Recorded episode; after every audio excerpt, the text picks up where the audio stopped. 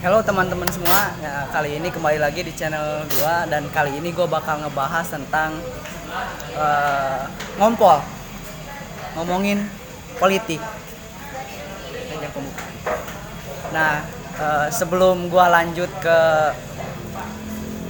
eh, pembahasan kita kali ini, gua harap subscribe channel gua ya, komen, like dan subscribe tentunya biar ya mendukung channel gua supaya lebih membumi lah ya seperti itu. Nah kali ini eh, kenapa gua ngambil tema ngompol ngomongin politik karena seperti bahasanya gitu kan ngompol ketika ditahan sakit dikeluarin enak karena ini ngomongin politik itu kayak gitu. Iya, iya, iya. Jadi eh, Masuk, masuk. iyalah Cocok. karena orang itu kadang takut kadang dipendem sakit kan jadi sakit ngomongin politik. Mereka tuh gak berani ngomongin politik. Karena ya memang pemerintah sekarang nggak mau dikritik gitu. Tapi gua di sini eh, bikin channel ya ngompol ngomongin politik. Nah pembahasan gua kali ini kan eh, tentang pemilu ya. Jadi pemilu tahun sekarang itu memang mem- memang unik dan eh, lebih asik. Bung. Nah, tapi gue kenalin dulu nih, samping gue ini salah satu aktivis kampus eh, di UIN Jakarta. Eh, kita udah sering nggak bikin broadcast, bikin apa. Nah kali ini gue pengen bikin video tentang khusus tentang politik. Nah yang gue pengen bahas pertama itu tentang pemilu ya, isu pemilu yang memang hangat masih hangat dan penghitungannya masih sekarang masih terus dilakukan oleh KPU. Kita tinggal nunggu hasilnya. Namun pandangan gue tentang eh, pemilu kali ini, tentang politik kali ini ialah yang mana eh, banyak sekali isu-isu yang menurut gue gak penting seperti yang pertama isu ya isu-isu seputar eh, keagamaan itu sudah, sudah biasa lah. Maksudnya eh, sebetulnya yang yang gue pengen lihat itu ya gagasan-gagasan yang dimunculkan. Kemudian banyak sekali isu-isu hoax. Ini gue gambaran secara umum pemilu tahun sekarang memang benar-benar eh, sangat ricu ya riuh. Tapi gue pernah nulis juga di koran Sindo bahwa semakin eh, pemilu semakin rame tentang isu agama maka orang pun akan semakin tertarik untuk mencoblos terbukti ketika isu Ahok yang sangat booming dan Iya. terus gencar yaitu naik yang target KPU itu hanya 78% atau 75% yang nyoblos di DKI itu hampir 80% yang ikut serta dalam pemilu 80% atau 79% kalau nggak salah. Ya. Nah, ini menandakan bahwa semakin eh, riuh, semakin ricuh atau semakin tegang isu keagamaan, maka orang-orang semakin tertarik untuk mencoblos dan ingin ber eh, ikut serta dalam pemilu. Ya.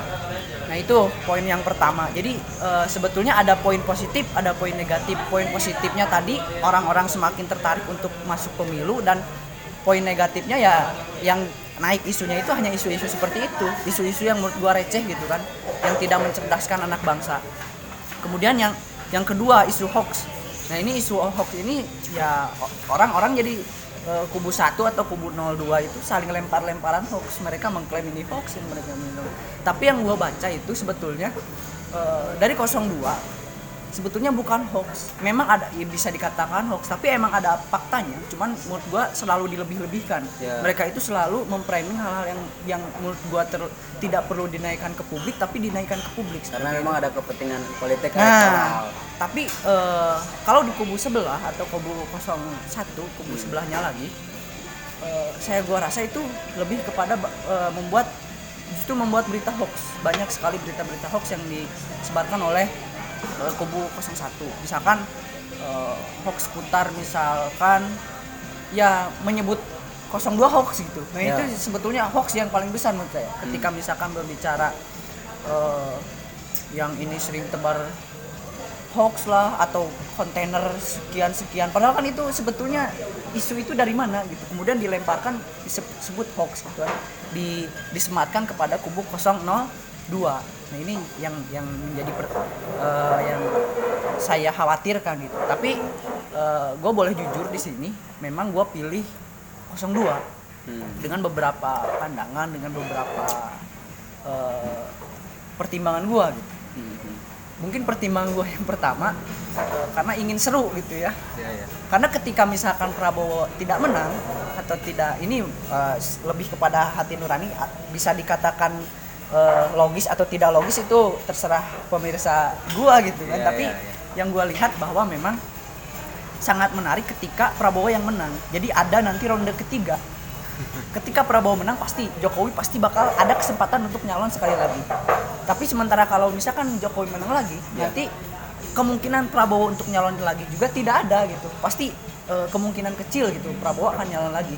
Karena ya bisa dikatakan beban moral lah atau apa. Itu kan lebih berat lagi. Tapi ketika elektabilitas Jokowi masih besar nanti ketika tahun 2024 kan Ya. kemungkinan bisa masih nyalon seperti itu. Itu pertimbangan saya. Jadi ada battle ronde Biar dinam- ketiga. biar dinamis ya, dinam- politik dinamika. Jadi Indonesia, iya, iya. eh, memang politis sekarang seperti saya bilang emang harus ada yang seperti ini ada pertarungan yang memang benar-benar sengit gitu karena itu memicu stimulus untuk masyarakat untuk berani eh, meng- mengemukakan pendapat berani ikut nyoblos berani apa pun itu karena ka- dari kekhawatiran itu nah, itu yang poin yang yang saya pertimbangkan kemudian poin yang kedua kalau Jokowi yang naik itu kita harus benar-benar kuat menjaga Jokowi. Poin yang pertama, dia bukan seorang pemimpin partai.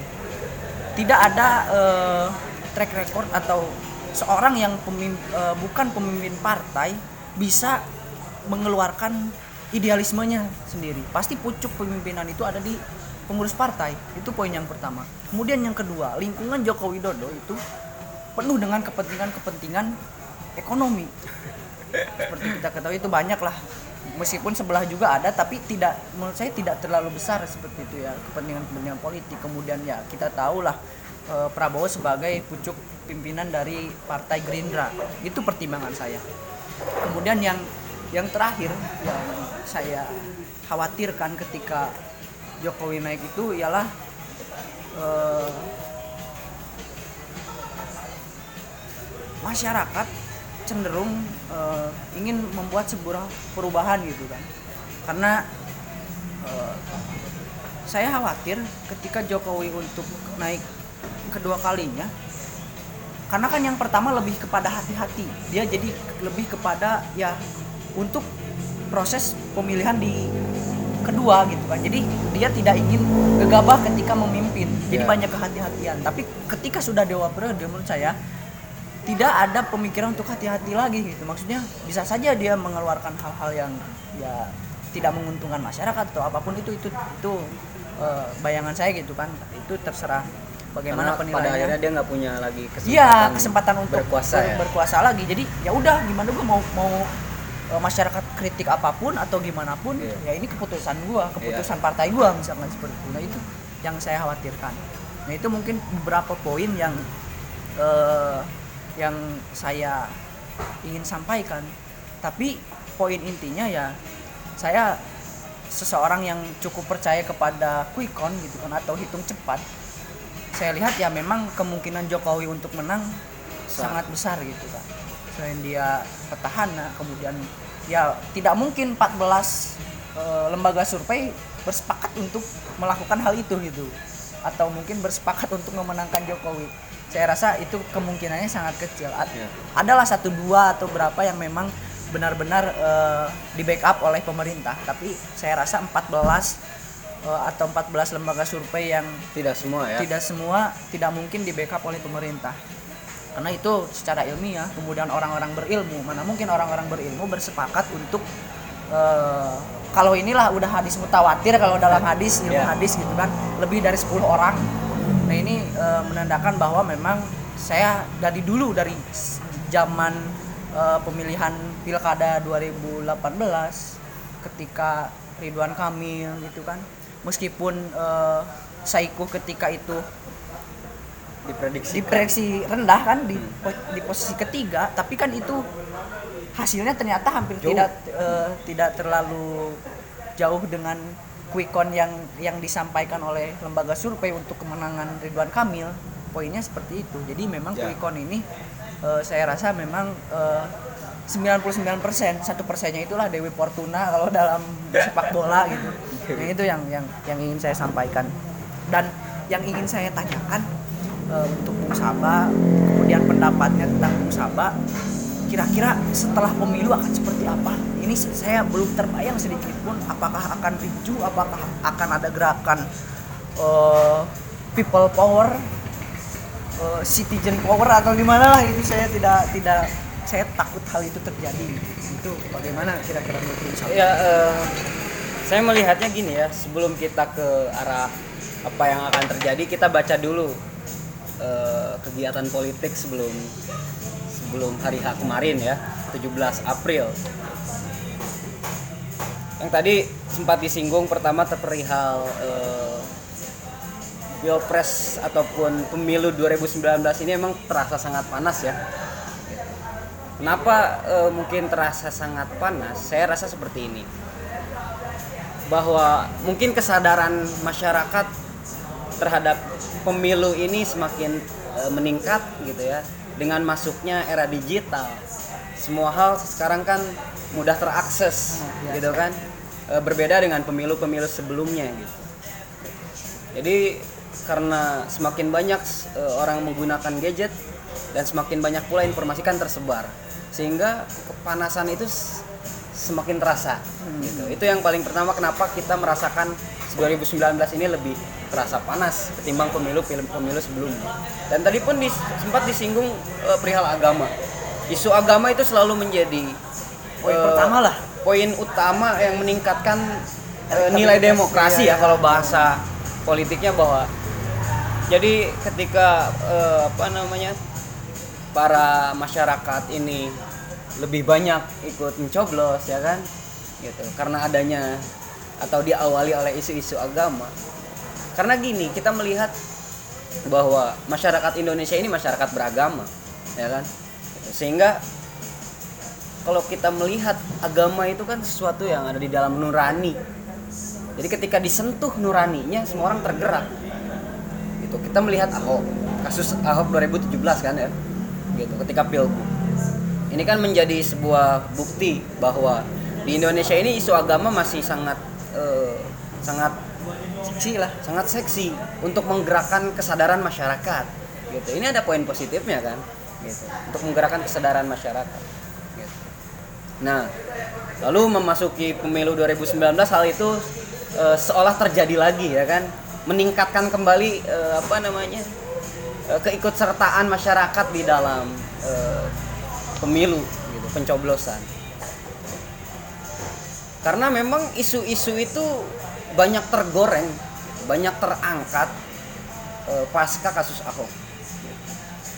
Isu-isu itu banyak terangkat pasca kasus Ahok. Dan ini dikaitkan juga dengan kepemimpinan empat setengah tahun Pak Jokowi bahwa ya digoreng-goreng oleh media dan oleh para kubu kepentingan tertentu gitu bahwa di zaman Pak Jokowi lah isu-isu agama banyak eh, Disinggung, disenggol. terungkap ya kan? Eh, ulama dikriminalisasi ya kan? Eh, jadi karena itu sudah menjadi bahan-bahan politik gitu ya supaya bagaimana menggerakkan suara sebetulnya kan pada akhirnya ke situ gitu. Nah tapi di, di samping itu memang ada ya di di da- apa di di dalam itu semua memang ada kesadaran bahwa agama ini nggak nggak bisa dipermainkan seperti itu gitu ya. Itu perlu kita yakini lah. Nah sehingga itu berpengaruh kepada eh, tadi masyarakat keikutsertaan dalam pemilu naik ya kan? Pencoblosan naik. Tapi sempat saya ingin menyinggung juga ter- terkait eh, banyak beberapa par- partai ya pemimpin-pemimpin partai ataupun eh, elit-elit eh, partai politik yang mencoba untuk eh, mengarahkan masyarakat untuk segera eh, untuk ikut serta gitu kan jangan golput ya kan Gitu. bagi saya gini nilai mungkin memang secara angka kita naik demokrasi kita naik karena keikutsertaan masyarakat dalam pemilu banyak gitu. tapi secara kualitas bagi saya itu eh, belum bisa terbilang baik karena gini nilai demokrasi itu kalau memang di- dihitung dari kuantitas ya dihitung dari keikutsertaan kan? Tapi dari segi kualitas kita lihat siapa yang mencoblos. Apakah masyarakat yang mencoblos betul-betul telah mempelajari siapa yang dicoblosnya? Ketika misalkan eh, KPU ingin 70 sekian persen Ah, ah. keikutsertaan masyarakat kemudian kemarin pemilu di atas 80 persen gitu. Nah keikutsertaan eh, masyarakat dalam pemilu sampai kepada di atas 80 persen itu ap- apakah betul-betul pencoblosannya itu atas hati nurani? Telah dikaji terlebih dahulu bahwa saya nyoblos calon legislatif saya karena saya tahu dia ya kan? Toh kalau mulai kita lihat di masyarakat kan enggak. Masyarakat datang ke TPS mungkin karena ada intervensi tertentu mungkin karena ada giuran-giuran tertentu sehingga dia harus nyoblos ini nyoblos itu. Padahal dia nggak ngerti siapa siapa yang dicoblosnya. Jadi bagi saya nilai demokrasi mau disebut baik bukan hanya dihitung dari kuantitas tapi harus dipersiapkan kualitas. Makanya jangan cuman sekedar bagi saya ya, jangan cuma sekedar melarang gol- golput. Untuk dan menyuruh masyarakat untuk ikut pemilu untuk ikut nyoblos. Jangan cuma itu tapi diberikanlah edukasi politik sebelum itu. Jauh-jauh hari sebelum pemilu harusnya ada edukasi politik. Itulah salah satu eh, bagaimana kita memperbaiki demokrasi. Kalau masyarakat sudah cerdas, sudah memahami siapa yang akan duduk di atas sana, di eksekutif, di legislatif, tidak perlu kita larang untuk golput pun mereka ngerti kok. Mereka akan masuk kok ke bilik ke bilik TPS, ya kan? Karena kepentingan rakyat Karena bersama. rakyat merasa ini kepentingan saya lima tahun ke depan ini adalah ada di tangan saya, gitu kan? bukan di tangan 50 ribu. bukan di tangan 50 ribu atau di tangan sembako ya kan di tangan Indomie satu dus aduh Di desa saya masih banyak. nah kan itu masih terjadi di kampung saya di kampung bung-bung sekalian lah yang eh, mendengarkan jadi saya nggak melihat bahwa nilai demokrasi meningkat enggak karena kualitas yang harus kita yang harus kita eh, gojlok gitu loh Walaupun hanya edukasi 60%. politik. walaupun 60% tapi, Tapi 60% itu cerdas. betul-betul memilih atas nama nurani, kecerdasan, pemahaman, bagi saya itu udah cukup baik. Jadi what the fuck lah 80% ke atas kalau misalkan nilainya cuman cuman nyoblos tuh karena hal-hal tertentu. Ya, sentimen agama. kemudian Jadi itu yang menurut saya harus sebelum apa yang akan terjadi ke depan ya, yang harus kita coba untuk segarkan lagi gitu. Jadi pada er- para elit politik yang sudah nantinya terpilih ya, selamat lah gitu bagi saya. Cuman jangan lupa ada edukasi politik itu bagi saya tanggung jawab moralitas demokrasi kita. Gitu. Lalu kepada eh, apa tadi disinggung juga terkait eh, adanya pe- pertarungan yang cukup sengit ya Gitu. Bagi saya memang ada nilai positifnya ya. Karena gini, eh seberapapun kita terpecah belah gitu ya, ter, terbelah dua ya, kubu 01 dan 02, setidaknya gini, ketika ada kritikan dari 02 kepada 01, kritikan dari 01 kepada 02 gitu ya ataupun bukan cuma sekedar kritikan tapi fitnah-fitnah yang terjadi yang ada terungkap pasca eh, eh, pra 17 April kemarin. Gitu. itu bagi saya menjadi nilai positif. Karena gini siapa pun yang nanti akan naik mereka akan sebisa mungkin eh, menjawab bahwa ini bukan fitnah. Gitu kan? Dalam artian menghapus fitnah-fitnah yang pernah dituduhkan kepada dia ya kan? Misalkan Pak Jokowi dipitnah anti agama ketika misalkan nanti ternyata Naik merangkul- naik menjadi seorang presiden dia akan punya tanggung jawab bahwa Saya ini saya harus menjawab fitnah ini bahwa saya tidak seperti yang dipitnahkan. Ataupun Prabowo. Prabowo dituduh sebagai apa? Dipitnah sebagai apa? Ketika misalkan ternyata dia yang naik menjadi presiden kita 2019 2024 dia akan sebisa mungkin menjawab fitnah itu ya. membuktikan bahwa saya tidak sesuai dengan yang dipitnahkan jadi ada nilai positifnya tapi Itu kalau tidak dilakukan berarti Tapi kalau dilakukan, benar. itu kan fitnah itu akan menempel kepada dia dan masyarakat kan cerdas, bisa menilai. Nah, pada akhirnya kayak gitu. Jadi bagi saya oke lah, kita terpecah belah dua, nggak apa-apa. Gitu. Karena memang terjadi, bukan nggak apa-apa ya, karena memang terjadi. Tapi setidaknya itu akan menjadi nilai positif untuk pembangunan eh, presiden kita nantinya. Nah, lalu tadi juga disi- sempat disinggung terkait Quick count. quick count, Kira-kira lembaga, survei. Kira-kira. Lembaga survei. Seperti apa nih? Saya gini ya. Memang secara metodologis nggak mungkin ya tadi eh, 14. banyak 14 lembaga survei mencoba untuk bersepakat berpihak kepada satu, kepada satu kubu ya kan. Saya juga mencoba memahami eh, kemutawatiran itu. Iya. Saya juga mencoba untuk Orang meyakini bahwa nggak mungkin. itu, gitu. Nah, ada tanggung jawab intelektual Nah, dia kan. Kalau misalkan kan- melukai eh, nilai-nilai akademik. Iya. Tapi bagi saya gini, kenapa hal itu terjadi? Gitu. Karena memang semp- eh, apa namanya ini ada eh, memang beberapa lembaga survei lah yang seharusnya bertanggung jawab atas hal ini ketidakpercayaan masyarakat terhadap, terhadap iya trust masyarakat terhadap eh, lembaga survei karena mereka yang mengawali masyarakat untuk tidak percaya Untuk selalu berbohong. untuk lah. selalu iya kayak gitu jadi se- semua hal dimanipulasi walaupun memang beberapa lembaga survei tapi kan efeknya Ke semua lembaga- ke semua lembaga survei dan ini yang menjadi bagi saya harus menjadi evaluasi bersama gitu. Jadi Oke teruji, itulah, ya. oke oke misalkan 14 lembaga survei tersebut atau beberapa lembaga survei tersebut memang sudah eh, terverifikasi oleh KPU gitu kan. Tapi sah sah sah saja bagi saya masyarakat tidak percaya bu. Karena apa? Mereka sendiri yang membuat ketidakpercayaan itu. Masyarakat kan cerdas. Gitu. Oke lah misalkan kubu 02 mencoba menggiring opini bahwa lembaga survei eh, berbohong atau misalkan berpihak itu kepada juga, ya. kepada beberapa eh, kepada pihak tertentu gitu kan. Ya bagi saya harusnya dibuktikan saja oleh lembaga, oleh lembaga survei gitu. Nah, tapi saya juga punya kritik juga kepada eh, kubu 02 yang menya- yang telah mendeklar mendeklar diri menang ya kan sebagai 62%. presiden 62%. Bagi saya gini, seharusnya pertarungan ini tidak tidak tidak apa-apa lembaga survei menyatakan Jokowi menang, kemudian eh, survei internal dari Pak Prabowo menyatakan Pak Prabowo menang, nggak apa-apa. Itu bagi saya hal yang eh, sangat dinamis, baik gitu. Tapi gini, kita harus perang data pada akhirnya. Kita harus saling uji, kan gitu. Sekarang gini, Pak Prabowo mendeklar diri sebagai eh, kemenangannya sebagai presiden, tapi tidak dibuka datanya. Bagaimana eh, apa namanya isi-isi dari surveiannya kan gitu. Data-datanya kita tidak melihat. Saya coba untuk searching kan saya penasaran. Karena saya juga menjadi korban ketidakpercayaan itu. Saya juga jadi ragu-ragu gitu ya. Saya harus percaya atau tidak kepada lembaga survei yang menyatakan bahwa Pak Jokowi menang. Kan gitu. Karena memang sudah menjadi opini publik. Nah, saya coba searching-searching gitu kan, cari-cari datanya, tanya ke orang-orang yang memang berkapasitas. Karena belum dibuka, belum ditemukan data itu. Nah, ini yang bagi saya seharusnya kubu 02 pun menanggapinya dengan jalan akademik lagi, dengan jalan eh, survei lain. Kalau misalkan lembaga survei memang jelas gitu kan diperlihatkan.